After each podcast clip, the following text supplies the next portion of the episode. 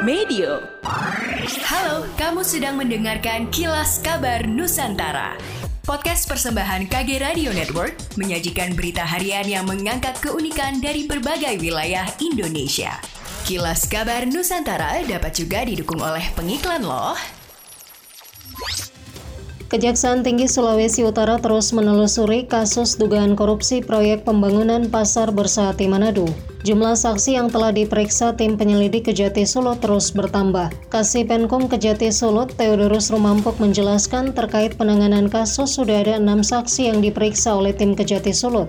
Namun Theodorus enggan membeberkan nama-nama saksi yang telah dimintai keterangan. Ia memastikan penanganan perkara dugaan tindak pidana korupsi tetap berjalan.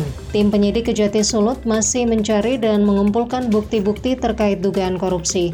Kini, permasalahan angkutan batubara masih menjadi polemik, bahkan tak jarang menimbulkan korban jiwa akibat kecelakaan. Menurut pengamat transportasi dari Universitas Sriwijaya Palembang, Profesor Erika Buhori, yang melanggar harus ditindak. Harus ada law enforcement – ada undang-undangnya di nomor 22 tahun 2009. Menurutnya, dalam penegakan hukum masih belum tegas. Bisa juga membuat jalan khusus yang konstruksinya bisa untuk muatan berat, jangan dicampur. Sejauh ini, baru ada jalan servo, belum ada jalan khusus lainnya. Erika menegaskan kembali, kuncinya ada pada penegak hukum.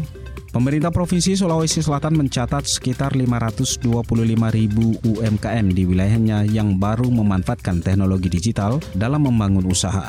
Angka tersebut hanya 35 persen dari total 1,5 juta UMKM yang ada di Sulawesi Selatan. Kepala Dinas Koperasi dan UMKM Sulawesi Selatan, Aksari Faksiri Raja Milo mengakui jumlah ini menunjukkan belum maksimalnya peran teknologi digital di sektor UMKM Sulawesi Selatan. Padahal digitalisasi sangat diperlukan dalam pengembangan UMKM. Ia tak menampik digitalisasi di sektor UMKM masih terkendala. Sebagian besar kendalanya karena pelaku UMKM belum mengetahui cara menggunakan teknologi tersebut. Selain itu, tingkat inovasi dan kreativitas para pelaku UMKM juga dianggap belum maksimal. Oleh karena itu, pihaknya mulai mendorong peningkatan kualitas UMKM dengan melakukan berbagai penyuluhan. Salah satunya cara membuat kemasan yang menarik. Baginya, pengetahuan awal soal membuat kemasan sangat penting. Hal ini mengingat tak jarang para pembeli melihat produk dari kemasannya terlebih dahulu.